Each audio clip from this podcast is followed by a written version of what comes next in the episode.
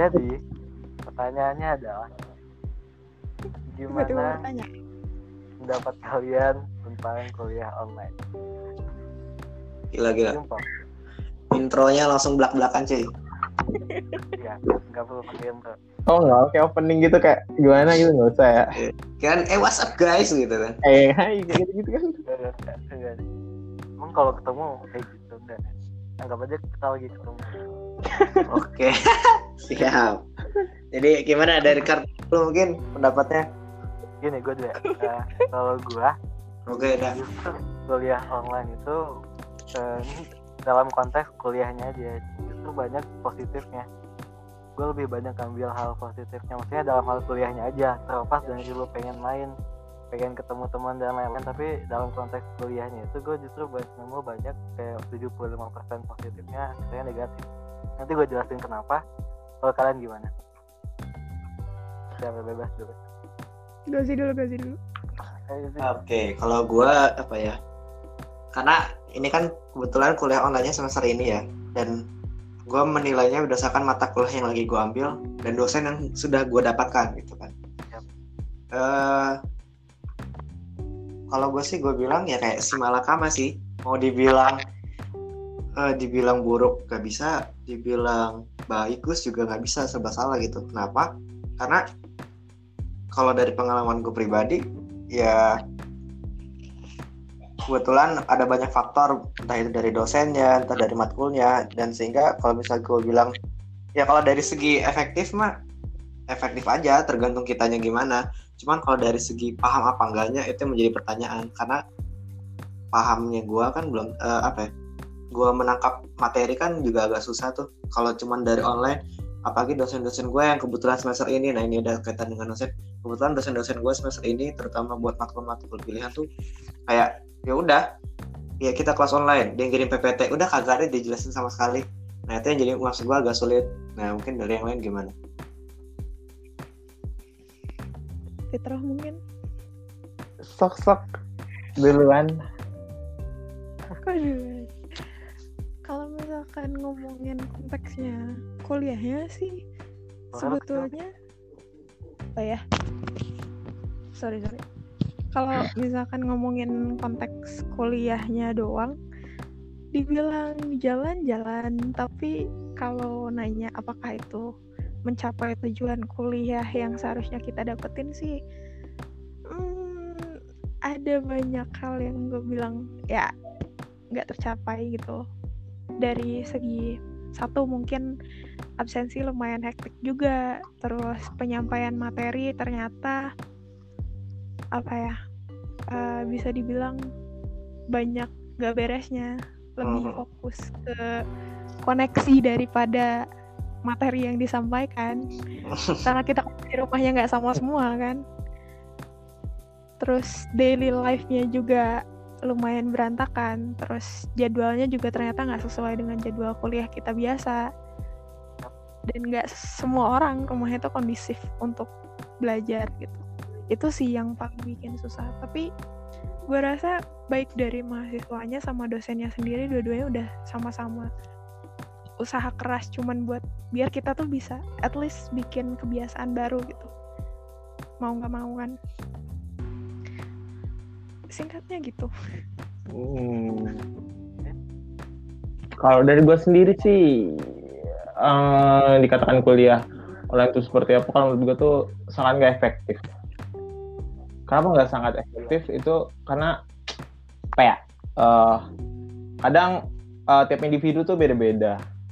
Ya. kalau gue pribadi sih kadang uh, dosen ngejelasin itu bisa jadi gue nggak nangkep karena uh, apa yang kadang disampaikan tuh kita apa ya yang penyampaian visualisasinya tuh kadang-kadang nggak nangkep nggak dapet. Jadi kalau udah nggak nangkep kadang ada orang yang kayak udah bodo amat lah ngapain kuliah lagi? Dan kayak ditinggalin aja gitu kuliahnya. Jadi kayak bosen lah apalah. Nah kalau misalnya kuliah ini bisa efektif menurut gue tuh kalau di situ antara mahasiswa dan dosen itu bersinergi jadi eh, saling saling apa ya? Saling kabir beneran. lo kok jadi ngomongin gua sih toh enggak ada pak. Jadi harus saling apa ya kayak saling bekerjasama misalnya uh, mahasiswa pengen ini dosennya nurutin. Terus kalau dosennya pengen demikian mahasiswanya juga ngikut jadi sama-sama saling menguntungkan gitu. Nah itu bisa terjadi salah kuliah online yang sangat efektif menurut gue sih gitu. Oke baik lagi gue ya tadi kenapa gue bisa bilang kalau di gue justru itu uh, malah jadi efektif kuliah online. Menarik ya? Karena gini uh, kalau gue mulai dari semenjak semester lima kemarin itu gue udah benar-benar milih dalam dalam hal mata kuliah gitu. Jadi gue dari sekian uh, mata kuliah yang gue ambil satu semester itu itu pasti ada yang yang gue pengen pelajarin sama yang gue nggak pengen pelajarin tapi gue wajib ambil karena itu kewajiban. Nah di semester ini pun kayak gitu. Jadi dari delapan matkul yang gue ambil uh, exclude KP ya. Nah itu ada banyak sebenarnya matkul yang gue nggak pengen pelajarin atau atau dalam kata lain yang gue males gitu belajar.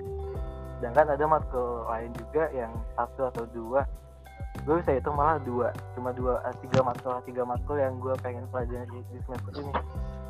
Yang menurut gue bakal bermanfaat ke depannya entah itu buat TA atau buat kerja. Jadi ada tiga matkul yang gue pengen pelajarin sisanya ada lima matkul yang gue nggak pengen pelajarin nah karena ada kuliahnya kuliah online ini jadi gue nggak punya kewajiban lagi buat datang ke kelas buat dengerin dosen. Ngejelasin apa yang gue nggak pengen pelajari. Kacau. Iya iya. Ya.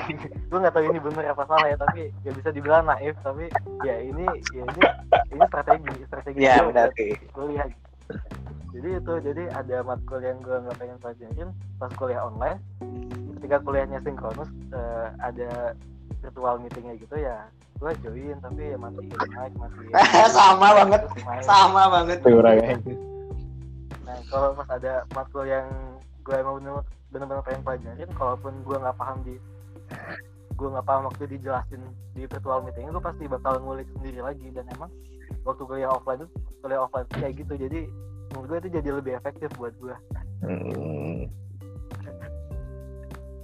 gimana? Menurut eh, gimana ya? Uh, kalau buat pribadi kalian ya tadi kan kalian kayak ngejelasinnya uh, lebih umum gitu yang efektif gimana segala macam nah kalian menanggapi online dari kayak gitu Astaga. Siapa dulu?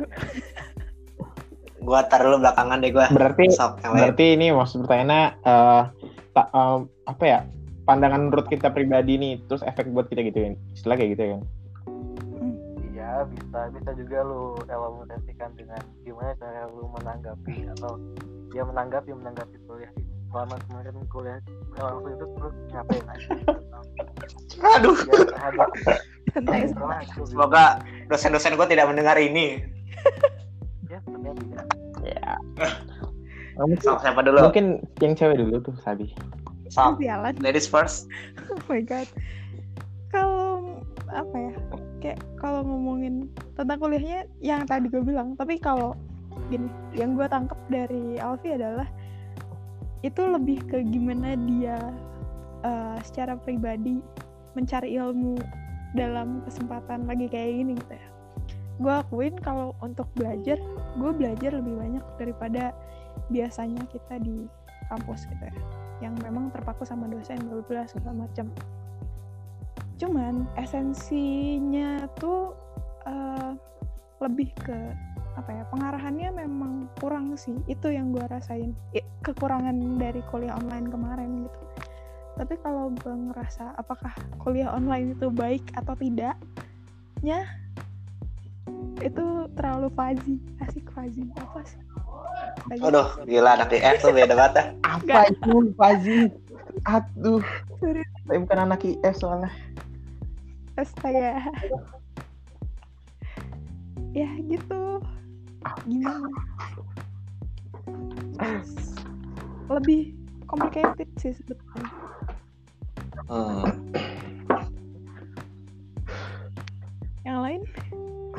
Kalau gua ya jujur kalau gua apa ya mungkin kalau tadi si Alfi kan lebih ngebahas kayak karena ini kuliah online ya gua punya strategi apa yang gue suka ya gue bisa pelajarin lebih dalam yang gue nggak suka ya ya bisa lebih santai gitu. Nah sebenarnya gue juga nerapin hal itu tuh dari dari SMA jadi ketika SMA itu gue benci banget sama pelajaran PKN gue benci banget sama pelajaran uh, agama Indonesia fikih segala macam lah. Kayak aduh lah gue kayak gue gak nggak cocok nih belajar kayak ginian kan. Waktu itu tuh ingat banget SMA gue suka banget sama namanya fisika sama matematika. Nah jadi ketika pelajaran kimia orang-orang pada masuk kelas gue cabut. Gue belajar fisika sendiri di luar. Karena aduh kayak eh sama kayak strateginya kayak ya ini yang gue suka gitu.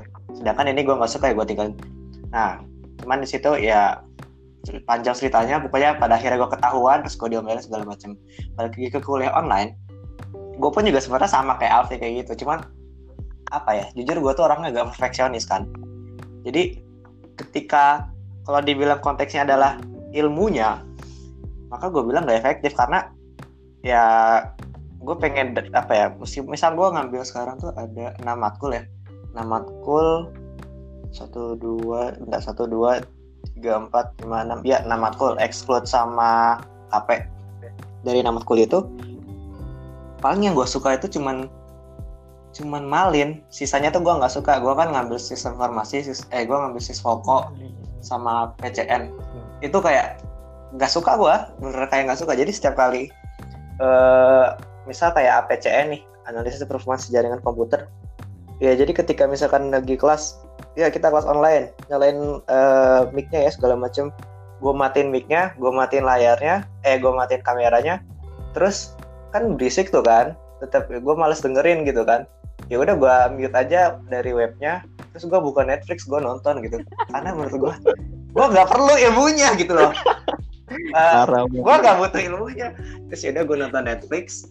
Karena yang gue pikir adalah uh, gue gue mencoba realistis gitu loh. Gue TA tuh mau ngambilnya MCE gue butuh dasar-dasar mesin learning segala macam. Gue nggak butuh jaringan. Ya buat apa gitu loh gue uh, susah-susah harus memahami sampai dalam banget tentang analisis jaringan gitu loh. Yang penting gue dapet A gimana caranya gue dapet A? Nggak perlu gue dapet 100 yang penting gue dapet 81 nilai akhir gitu. Itu strategi gue sih buat semester ini. Cuman ya tadi kalau dibilang konteksnya kan kalau misalnya konteksnya efektif apa enggak ya gue bilang nggak efektif karena gue nggak paham. Tapi gue mau coba realistis ya yang penting gue dapet nilai A. Terus ya udah gue fokus ke yang malin sisanya ya 81 81 lah nggak apa-apa lah gitu. Cuman ya banyak sih APCN itu uh, matkul pilihan itu gue kayak gitu. Terus siswoko matkul pilihan selalu cuman ngasih slide doang. Nggak pernah jelas tuh pak. Pak Eko sistem informasi korporat. Nah terus sistem informasi gue juga kayak APCN kan misal lagi video call video call gitu. Gue minta aja terus gue nonton Netflix. Udah. Siswa sekelas iya. Eh siswa siswa sekelas kita kan ya eh gue enggak enggak kali gue enggak Artika doang beda kan eh emang lu suka sama gue gue gue lupa deh lah, lu, dem lu siapa? Dosen lu siapa? SYY, SYY. Oh, alah iya, iya. Sama, sama, sama. Gue lupa deh. ya kan Sama. Ah, malah. Ya kan. ya kan kita sekelompok Agak iya. Gue tuh malah itu kelompok ya. Gue lupa. Kok. Kelamaan di rumah. Aduh. Makanya kadang kalau lagi belajar jangankan asinkronus gini ya, uh, sinkronus yang belajar langsung aja. Kadang gue suka nanya ke dosennya diem-diem kayak, Bu, saya belajar ini tuh buat apa sih Bu? Kayak gue inget gue pernah nanya kayak gitu ke Mas Manang. Pak, saya belajar kalkulus buat apa Pak? Terus gue pernah nanya ke Bu Bu Tisa. Bu, saya belajar DA tuh gunanya buat apa Bu? Dan Mafek juga pernah nanya kayak gitu. Saya belajar ini buat apa? Karena menurut gue, if it doesn't matter for me, kalau nggak kalau nggak penting buat gue ya, buat apa gue belajar gitu loh? Gue nggak tahu esensinya buat apa, buat apa gue dalamin. Cuman tadi karena gue orang yang perfeksionis, gue mau dapet nilai A, mau nggak mau gue harus belajar gitu loh.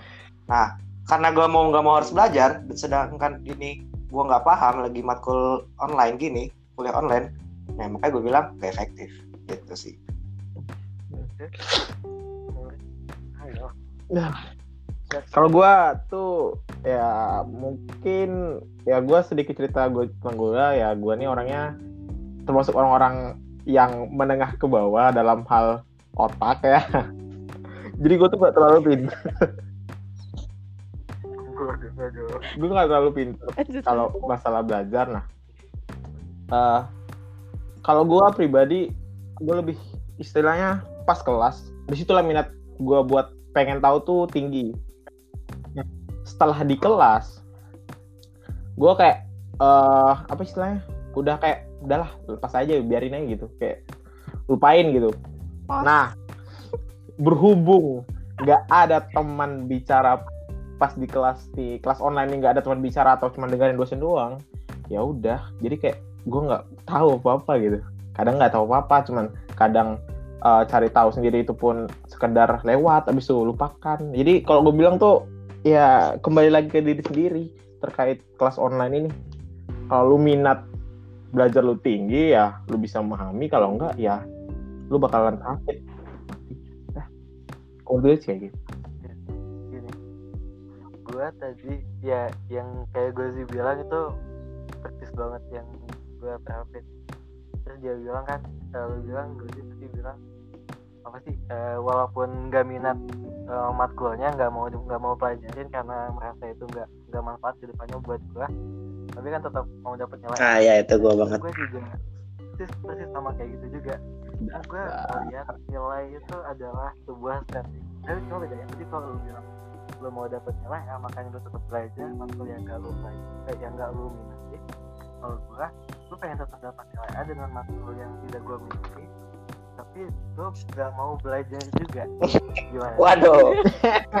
Gini pak gini gini ajarin dong tekniknya Vi gue butuh gimana tuh caranya tuh?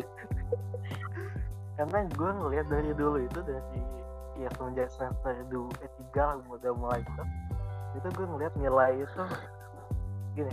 Mungkin lu sering dengar ya, kayak nilai itu nggak menggambarkan kemampuan lu lu paham materi belum tentu nilai lu bagus. Yes. Ya iya nilai lu jelek juga belum tentu lu nggak paham Mm-mm. materi kan? Nah di situ gue nyimpulin kalau nilai itu strategi sebenarnya. Nilai itu tergantung lu gimana eh, gimana lu bisa bisa menstrategikan supaya dapat nilai tertentu Nah, karena kan nilai itu kuantitatif ya. Nilai itu angka hasil kalkulasi. Otomatis itu bisa dihitung bisa diestimasi kita mau dapat nilai gimana. Kita mau dapat nilai itu berapa gimana cara dapatnya kan ada jalur satu dua tiga misalnya jalur satu sekian persen eh, apa jabarannya ada misalnya ada UTS ada nilai tugas dan sebagainya. Itu tuh bisa lo hitung semua itu. Jadi gue ngelihatnya kalau matkul-matkul yang emang gak gue minati nggak gue pengen pelajarin ya tadi eh, kalau emang lagi lagi rajin sih gue belajar tapi kebanyakan sih males ya. Kebanyakan males jadi kalau lagi males ya ya lost aja lost aja eh, pas pelajarannya tapi buat nilainya tetap gue kejar caranya ya gue tadi mengestimasikan jauh satu dua tiganya eh, nilai-nilainya dapat dari mana aja. Saya dapat dari nilai tugas ya. Tugasnya gue kerjain dan tugas itu kan ya seharusnya kita- kita setuju. Tugas itu nggak merepresentasikan semua mat semua materi yang kan. Soalnya ada materi 10 slide ya tugasnya mungkin cuma dua. Dan dua itu nggak mungkin bisa mewakili 10 itu kan. Yes jadi di situ yang gue pelajarin yang gue yang gue harus pahami ya materi yang ditugaskan. Tugas ya dikerjain. Kalau UTS ya gue bikin kisi-kisi sendiri. Kalau misalnya nggak dikasih kisi-kisi jadinya gue nggak perlu pelajarin semuanya. Dan kalau gue beruntung tetap dapat nilai yang bagus dapat A jadi nilai itu adalah. Hmm. Berarti hitungannya nilai lu selama ini ada satu kata yang Bentar. apa keberuntungan itu Nih, berarti nilai lu selama ini untung-untungan dong. Ya. jadi dia untuk digelak banyak gitu. matkul untuk banyak matkul iya contoh dia paling paling paling dekat ini pas semester lalu ada Jankom kan Jankom komputer itu bener-bener gue blank totally blank kayak gitu sampai sampai presentasi pun bener-bener blank alhamdulillah masih dapat Oke. Gokil karena ya itu gue estimasi nilai-nilai nah dengan adanya kuliah online ini jadi gue malah malah diuntungkan dengan sifat gue yang kayak gini jadi kayak Oh. gitu tapi kalau bicara masalah efektivitas secara umum masalah target kuliah itu tercapai atau enggak jelas eh, kita semua sepakat itu enggak efektif ya kayak gitu. Hmm. Masih ada suara ya masih masih jadi ada pertanyaan sih sebenarnya. Eh, tadi kan lo bilang kayak ya nilai itu dapetnya dari strategi dan segala macam. Oke lah, let's say it's true for some people. Eh, balik lagi, seandainya ada dosen yang memang nggak transparan, gue banyak banget dosen yang kayak gitu. Sekarang kayak bener-bener nggak transparan tuh dapat nilai dari mana, gue juga nggak tahu sebetulnya. Ketika di akhir tiba-tiba jebret ada nilai kayak gitu. Dan iya dia ngasih tugas tapi presentasi tugasnya itu bentuknya kayak gimana gue juga nggak tahu menurut lo Ya. gimana ngatur strategi sama dosen yang emang kayak gitu taruhlah lo udah ngerjain tugas segala macem tapi penilaian dari bentuk apa ya kan lo nggak tahu nih ya itu silahkan dijawab anyone Gimana ya? Mungkin lu praktekkan lebih tahu. Saya kuliah santuy. Ribet nggak boleh dibawa ribet. Ya, santuy. Lu percaya gak sih kalau dosennya tuh ngasih ngasih nilai distribusinya selalu normal? Aduh, gimana? Distribusi normal tuh Ya. lupa sih gue gue belajar apa? Hah? gue belajar analisis. Poisson bukan normal. Udah lupa ya normal. Distribusi normal itu eh, mediannya di tengah eh mediannya median, oh ya modusnya di tengah. Hmm. jadi kurvanya kan naik. Iya tahu yang ya tahu tahu. Ingat ingat Iya iya iya iya. Terus terus. Ya, udah udah serius mahamin, pengen mahamin. Enggak dilupa ngomong apa. boleh Iya, boleh. Boleh boleh. Dah, ingat. belum belum Lanjut. lanjut dulu lanjut dulu apa yang mau dilanjutin Panjang. Ini kalau tadi simpel eh apa ya sederhananya sederhananya gue bisa bilang ya untung-untungan maksudnya gini lu gak tau lu percaya gak sih kalau gue sering banget memprediksi Sering banget apa? sialan sialan Apa kata dia? memprediksi Hoki-hoki. tanpa data iya jadi kan tadi Tika bilang kadang ada dosen yang nggak transparan nggak ada Oh. nggak ngasih rincian Ya. nilainya kayak gimana segala Iya. macam nggak ngasih rincian dalam persentasenya jadi kita nggak bisa ngambil ancang-ancang kan strateginya gimana ya gue bisa bilang terus sering memprediksi sesuatu tanpa data data. bahkan ya itu gimana gimana? Sih jelasin cenayang cenayang ya udah ya. Nggak, jadi gini Ya. jadi gini. Eh, contoh ya gue kasih contoh. Misalnya ada satu makul ada uasnya nih ada atau ada, ada UTS-nya ada uasnya. Nah biasanya kan uh, sering tuh dosen kalau mau uas suka ngasih nah kadang ada kan dosen yang juga nggak ngasih kisi-kisi padahal uasnya uas tertulis soalnya soal esai segala Hmm. macam misalnya nah itu kan biasanya kebanyakan orang menstrategikannya kalau misalnya nggak dikasih kisi-kisi Iya, itu pelajaran iya. semuanya dong Ah. kalau gue enggak gue tetap tetap bikin kisi-kisi sendiri gitu Iya. kayak gitu Sangat beruntung hidup Anda ya. ya itu ya Ya, jadi ya kalau emang kebetulan dapet soalnya yang gue nggak kisi-kisiin ya udah lu bener-bener lost Hmm. aja. Jadi ya gokilnya adalah ketika dia lost tuh ya still gak at least 80% tuh masih dapet cuy. Hmm. ada yang bisa gak nyebelin gimana? Tolong. Enak kali hidup. ini.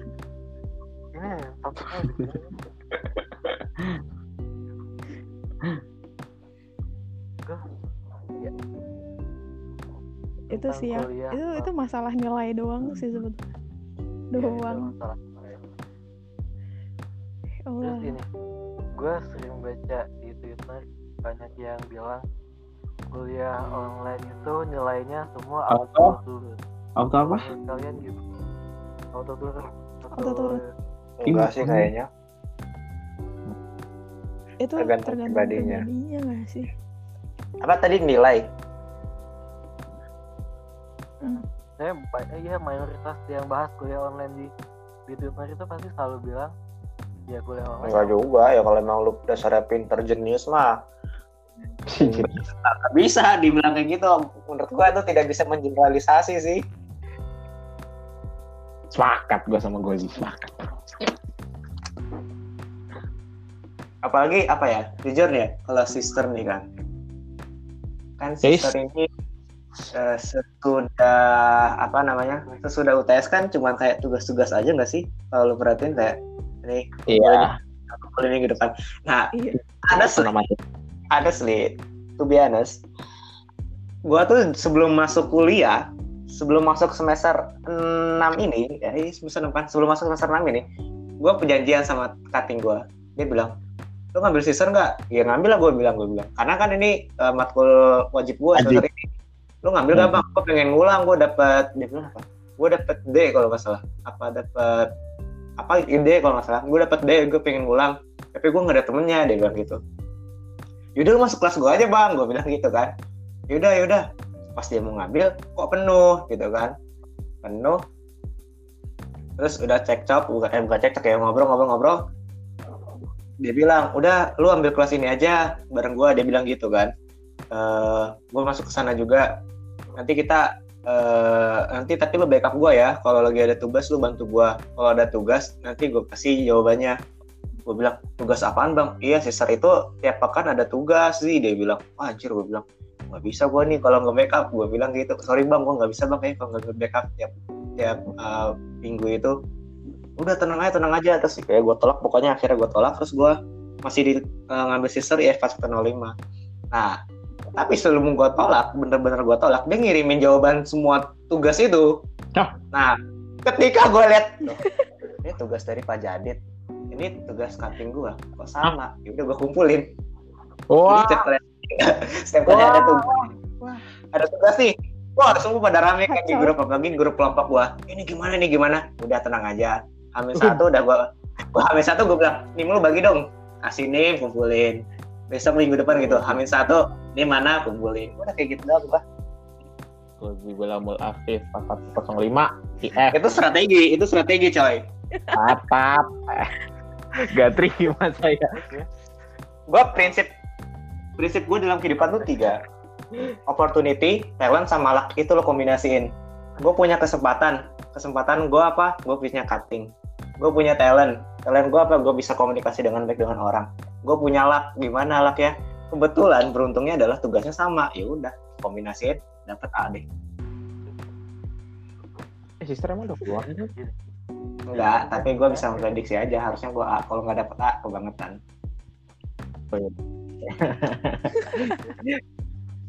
Dan emang dan emang juga sister itu bener-bener ya full dari tahun lalu sama Pet. Dan kalau lu dapetnya Apa jawabannya? lu dapetnya dari mana tuh? YouTubean. Sialan sih ini. Serius dengan dosen yang sama, dengan tugas yang sama. Mungkin itu tahun 2000 berapa ya? 2 sampai 3 tahun yang lalu. Iya dua tahun. ya sih waktu itu juga Sama tugasnya. si Fatan kalau nggak salah dia nemu eh ini ada nih jawabannya nih di GitHub dia bilang gitu ke gua oh ya kan jawabannya kan padahal gua udah ada jawaban itu kan speak speak aja Sepik sepik. Waduh. Gokil. Patahan Sorry. dengan ini Sorry tan. Tan, lu kalau denger podcast ini Tan nanti ya gue minta maaf aja jadi selama ini setiap kali lu minta jawaban ke gua gua bilang belum sebenarnya gua punya tapi gua pernah bilang Bentar, apa ngopi gua? Parah ini. Oh, ya ya. Ya, Nathan kelompok gua pantesan. tapi emang ini tips ya kalau misalnya lu nanti ke depannya dapat tugas-tugas matkul apa pun itu tips yang pertama jangan cari materinya dulu coba cari Bener. kalau nggak di YouTube di GitHub kalau misalnya lu nggak punya koneksi cutting ya kalau misalnya punya, punya koneksi cutting ya bisa tuh kalau gue yang paling simpel kalau YouTube GitHub udah cari dulu sekali ya kalau Tahu. ini tips kita semenjak tugas ketiga atau keempat gak sih kayak gitu? ah iya tugas Yang pas mulai aplikasi kan? Ah anjing di blueprint terus minggu depannya tugas lagi pas gue cek di YouTube ada udah sampai sampai tuh sampai saya tugas akhir kacau. Nih do- saran-saran buat dosen ya. Bapak kalau mau bahas soal diubah pak. Jangan sama terus pak. Mahasiswa udah pintar pak. Eh jangan, jangan. kita udah tantang etik kita udah mau lulus. Biar anak-anak 2019 2020 tuh menyesal jahat jahat. oh ya udah sih. Kalau kalau gitu prinsipnya gue nggak masalah. Cuman kalau kedenger sama dosen gitu akhir mati. Iya, jangan. Ya tahun lagi. Eh, kalian pada ngambil Enggak, setengah enggak. Ngapain? dia gimana? tapi Eh, Nggak usah lah ya, nanti lah ya, aja lah ya. Nanti lah ya. tunggu kabar sidang TA aja lah ya. Makanya kalian harus benar-benar. Eh, benar-benar kan kan kalian semester depan bulan tahun Emang iya? kan? Hmm, ya tipsnya pertama benar-benar pilih topik yang kalian pengen atau yang pengen atau yang kalian sukai yang kedua benar-benar pembimbingnya harus harus benar gitu Hmm. Gimana pembimbing anda? Siapa tuh siapa? Siapa tuh siapa? next next next. Jadi kan kuliah online nih. Aduh banget gue lanjut lanjut. Gini. Kayaknya agak geser dikit dari topik kuliah. Kebetulan kan kebetulan kalian di sini ada Wakahim ada Jenderal Hmm, Idam, bukan. Sama Iya, Kadif, di BPH juga gue pengen nanya. Gimana progres Waduh. dengan ada Ah, apa pertanyaannya? Apa pertanyaannya? iya. Iya online bapak gimana kalian soalnya gue juga gini gue juga ngerasain ya. Ya kan gue juga punya lab kan. Punya kegiatan juga. Ya ada kegiatan yang beberapa terhambat. Ada juga yang yang lucunya sih dulu waktu di awal-awal kan kita dikasih dana tuh buat buat Hmm. ada kegiatan selama slot ke depan. Dananya per triwulan kan. Nah untuk triwulan ini waktu di awal kita tahu dananya sedikit sekian itu kita reaksinya pakai Alsep tuh reaksinya ya lo dikit banget duit ini mau dibuat apa gitu. Kan reaksinya kayak gitu di awal. Nah terus pas karena ada kuliah online kayak gini sedangkan kita masih punya kewajiban sebagai aslep ya sebagai organisator kita masih punya Hmm, kewajiban buat benar. ngabisin duit itu. Ya duit yang tadi ya, yang tadi yang kita nilai dikit banget buat apa duit gini akhirnya sampai sekarang malah bingung mau ngabisinnya kayak gimana. Gitu. Nah kalian gimana itu? Mau tetap jalan atau aduh. Waduh. Kenapa pertanyaan kayak gitu ya? Gus, apa-apa Tra. pasti ya pasti bakal ditanya. Gue ada berapa kali ditanya tuh sama orang-orang sama BPH siang kan yang benar-benar baru banget. Jalan sebenarnya kami tuh belum dilantik Vi. Tiba-tiba kayak gini. Belum. ngetak apa ya? Ada cerita apa antara jenderal yang sekarang dengan jenderal yang lalu? Saya tidak mengerti juga. Surat keputusannya masih belum turun. Jadi Syahid Proker nih ya ya karena sedang apa ya? Gue prinsip sih kayak saat ini ya lebih kayak ya udahlah kayak yang udah ya udah ya sing wes ya wes gitu loh. Karena ini sekarang kondisinya kayak gini ya udah mau gimana lagi? Waktu itu gua eh, apa ya analoginya tuh sama kayak waktu gua ngadain acara festival komunitas acara dari BEM.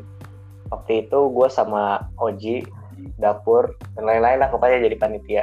Nah kebetulan Oji itu ketua acara. Gua ketuplak kayak ketua pelaksana gue bilang Ji ini tuh kita ngadain acara bulan November Ji. Sedangkan yang ber ber ber di Bandung itu pasti hujan gue bilang gitu. Iya mau gimana nih Mang?" nah kebetulan dua hamin dua hari sebelum hari H itu hujan deras banget. Bener-bener deras. Wah kita bilang ya Allah ini gimana nih kalau hujan? Gini gini gini. Itu gue sampai kayak sampai bener-bener kayak mang lu di mana mang?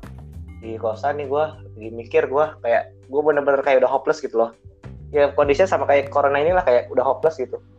Terus satu satu kalimat yang waktu itu si Oji bilang adalah ya udah sih dia bilang. Kalau emang hujan ya mau gimana lagi gitu loh. Lo emang bisa buat apa? Emang lo mau ngelawan Tuhan dia bilang gitu. Ya terus ya gue ngerelate hal tersebut dengan kondisi sekarang adalah kayak ya udah sih ini namanya juga lagi corona lagi musibah emang sudah kehendak Tuhan sudah ada yang dari Tuhan ya kita mau apa gitu loh. Ya kan tugas kita adalah untuk berikhtiar bukan buat mendapat nilai makanya sebenarnya kesalahan pemuda saat ini di Indonesia menurut gua adalah mereka menilai dirinya itu dengan angka dengan Ya kalau lu tahu lagunya Fish Baskara, Mhm. aku jika tak dinilai dengan angka. Karena ya tadi terlalu banyak di Indonesia bahkan bukan ya ya menurut gua lazimnya adalah terlalu banyak orang itu selalu menilai dengan angka. Coba orang pinter sastra sama orang pinter matematika. Yang dibilang pinter apa? Yang pinter matematika. Dari dari zamannya nyokap gua kayak gitu kayak oh dia pinter nih. Padahal dia pinternya di MTK doang belum tentu sastra pinter. Apa karena matematika hitung hitungan apa apa yang selalu ada hitung hitungannya itu selalu dianggap bagus. Makanya itu juga bilang sebenarnya nggak baik sih kalau gue bilang kayak tadi gue bilang gue perfeksionis gue harus mau dapat A segala macam ya agak baik karena ya bakal capek gitu loh buat apa gitu cuman hmm, ya kita kesampingkan hal tersebut yang tadi gue balik lagi menurut gue kalau seandainya apa-apa lo harus selalu dapat nilai yang bagus, harus dapat nilai dengan angka, ya lo bakal capek sendiri gitu loh. Nah, maka itu parameter kesuksesannya jangan harus selalu dengan angka kalau gue bilang, tapi dari ikhtiarnya itu, dari usahanya lo. Nah, makanya prinsip gue adalah buat di BPH ini, walaupun lagi corona, bukan dari seberapa suksesnya, misal kita ngadain webinar, berapa banyak yang ikut acaranya, berapa yang ikut webinarnya, tapi adalah ya sudah seberapa jauh kita berusaha untuk memberikan yang terbaik gitu loh. Bukan dari uh, sudut pandang eh kita lihat dari sudut pandang kitanya jangan lihat dari sudut pandang orang lainnya. Itu sih menurut gua. Jadi kalau ditanya prokernya gimana ya ya karena udah lagi kayak gini kondisinya mau gimana gitu loh. Yang acara-acara emang biasanya ada acara-acara besar kayak interface ada lomba-lomba. Yang nggak bisa terus sekarang kita bisanya apa? Yang kita bisa ya itu yang kita lakuin. Kayak kita ngadain webinar seminar segala macam. Buat buat uh, infografik segala macam. Itu yang kita bisa ya kita maksimalin di sana. Justru gue merasa gagal ketika apa yang kita bisa saat ini tapi nggak kita lakuin. Nah itu yang gue, gue bilang kita gagal di situ. Itu sih. Nah, gue mau nambahin dikit Gozi sih. Sebenarnya inti garis besarnya tuh udah disampaikan Gozi. Cuman gue mau nambahin uh, saat ini sih palingan cuman bisa kayak berharap sih sama keadaan Hmm. saat ini. Jadi tuh uh, semoga aja uh, cepat berlalu lah istilahnya. Tapi walaupun kita berharap, otomatis itu perlunya ada usaha. Kalau harapan tanpa usaha itu sebenarnya omong kosong doang. Jadi kayak nggak percuma aja gitu. Ya kita sebagai uh, orang yang berusaha ya taktilah aturan yang udah dikasih pemerintah bla bla bla gitu. Jangan sampai melanggar sehingga nanti makin berkepanjangan gitu. Kalau gue sih namanya gitu Betul. aja. harapan tanpa usaha itu sia-sia usaha tanpa harapan eh bukan kalau gue sih pakai doa ya soalnya gimana tuh? Gimana gimana gimana tuh? doa tanpa usaha itu omong kosong usaha tanpa doa itu sombong Oh, ya dua-duanya harus dikompak ya, oke oke. Boleh boleh. soal harapan Eh, mungkin kalian sering dengar ya kayak di sosial media di YouTube segala macam banyak yang memprediksi eh, COVID ini atau pandemi ini bakal selesai akhir tahun mungkin bakal selesai cepat ada juga yang tipenya bakal selesai di 2021 2022 dan sebagainya kalian menentukan sikap Menunjukkan sih. yang mana gitu. Ya ya based on harapan based on harapan aja apakah lu tipe yang pesimis atau tipe yang optimis Oke, gue Apakah ada pesimis dan optimis dalam hal ini? iya. iya tipe orang optimis itu gue definisiin dia yang karena sekarang semua udah kerja tim medis kerja pemerintah kerja masyarakat juga kerja yang optimis bakal bilang ya udah ntar lagi juga selesai tinggal nunggu waktu doang tipe yang pesimis bakal bilang ini levelnya udah pandemi bukan bukan lagi Kayak kayak epidemi atau Kalau- wabah kalau udah pandemi kalau misalkan ya lo Iya. bilang eh, itu berarti bukan masalah pesimis atau optimis lebih ke kayak em, sudut Iya. pandangnya. Orang bisa bilang cepat karena tolak ukurnya apa, terus orang bisa bilang lama juga tolak ukurnya apa. Kalau misalkan cepat, ya mungkin cepat tuh adalah gimana kita balik ke society. Mungkin itu dalam waktu dekat bisa. Tapi kalau untuk ini hilang seutuhnya, ya gue bisa bilang gue tipikal orang yang pesimis tentang itu gitu. sebenarnya kalau tapi kalau kita bisa balik ke kebiasaan normal mungkin dalam waktu dekat gue bisa bilang setahun itu adalah waktu terdekat Kalau dari WHO sendiri, setahu gue ya, WHO bilang bahwa corona ini nggak akan hilang gitu loh. Jadi apa ya? Gue pernah baca di Twitter kayak hmm, corona ini nggak akan hilang. Maka akhir dari pandemi ini adalah ketika manusia sudah pertama sudah punya vaksin, kedua emang tubuhnya sudah Tahu. kebal Hmm. buat ngadepin uh, virus corona ini gitu loh. Sudah terbiasa gitu loh. Nah, berhubung vaksinnya belum kelar, berarti ya mau nggak mau gimana caranya tubuh manusia ini harus bisa secepatnya beradaptasi dengan virus itu. Cuman gue nggak paham sih ya. Itu mungkin ilmu kedokteran atau apa gue nggak paham. Cuman yang gue baca sih seperti itu. Jadi kalau dibilang apakah pandemi ini akan berakhir, ya kalau berakhirnya dengan virus corona hilang, menurut gue nggak akan. Karena ya gimana sih cara ngilangin virus? Menurut gue nggak akan bisa sih. Kayak samanya kayak virus-virus HIV, AIDS kan pasti bakal tetap ada gitu. Ya mungkin jumlahnya yang akan terminimalisasi gitu loh. Mungkin sekarang kita bisa melihat data ada ribuan orang yang terkena segala macam. Ya mungkin tahun depan atau dua tahun lagi, jangan sampai dua tahun lagi ya. Ya mungkin tahun depan gitu, angkanya sudah mengecil gitu dan ya orang-orang sudah kebal dengan itu karena sudah memiliki vaksin. Who knows, nggak ada yang tahu. Cuma kalau gue sendiri, gue tipe orang ya mungkin kalau tadi gue dari sudut yang dari pertanyaan Alfi ya Hilang. putusnya hilang lagi. Hilang astaga hilang dia. Lagi ini ngecakin lagi seru dengerin. Hilang dia. Astaga kepotong. Panggil lagi. Ya elah. tapi gue setuju sih. Sama. Gue juga punya pemikiran sama kalau si virusnya nggak bakal hilang ya kitanya bisa ada itu mulai dari yang paling aman ya mungkin coba kebiasaan kita mulai dari kayak misalnya bekerja ya bekerja siswa sekolah dan sebagainya itu menemukan cara baru dengan caranya bisa mungkin selalu berdampingan. Oh ya gue mau nambahin dah. Ini berat emang berat sih. Nah gini nih, gue waktu itu apa ya pernah kayak kepikiran istilahnya, bukan kepikiran sih, kayak terang-terangan di kepala gue gitu, kalimat atau kata-kata yang mana manusia itu akan mati karena kebodohannya mereka sendiri gitu.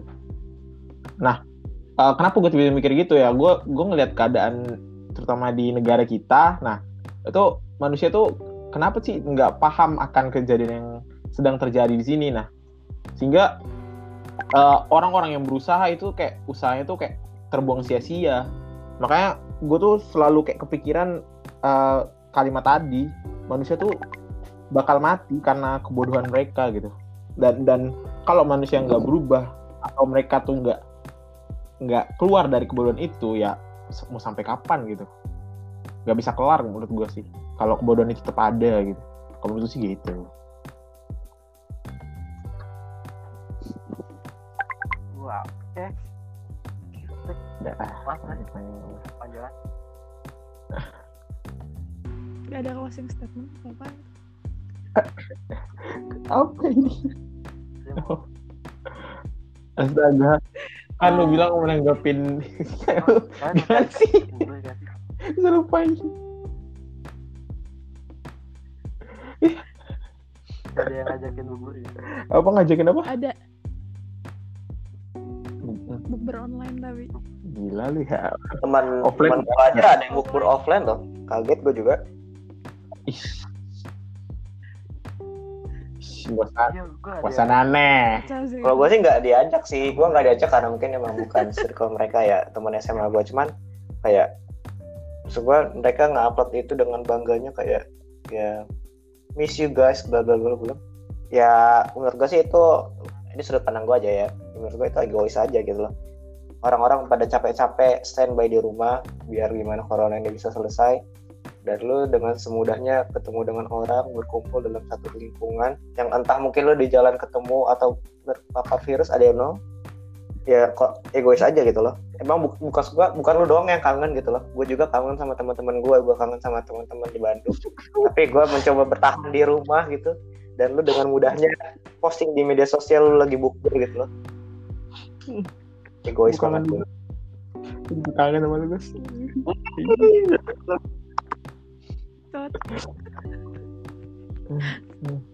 Apa ini? Oh, enggak.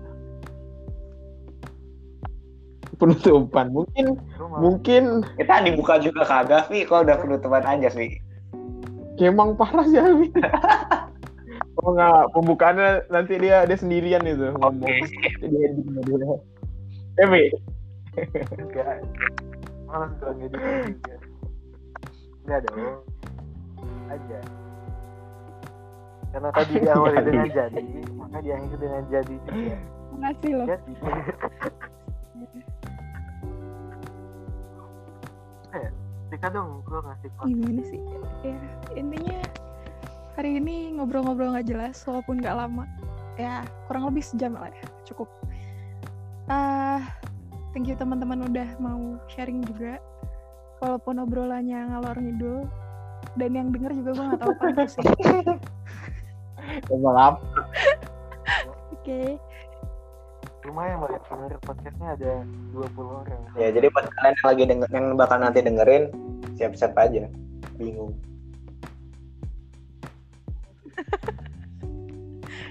Oke. Udah paling gitu doang closing statement dari gue. Thank you yang udah datang dan thank you yang udah ngundang juga. See ya. Bye.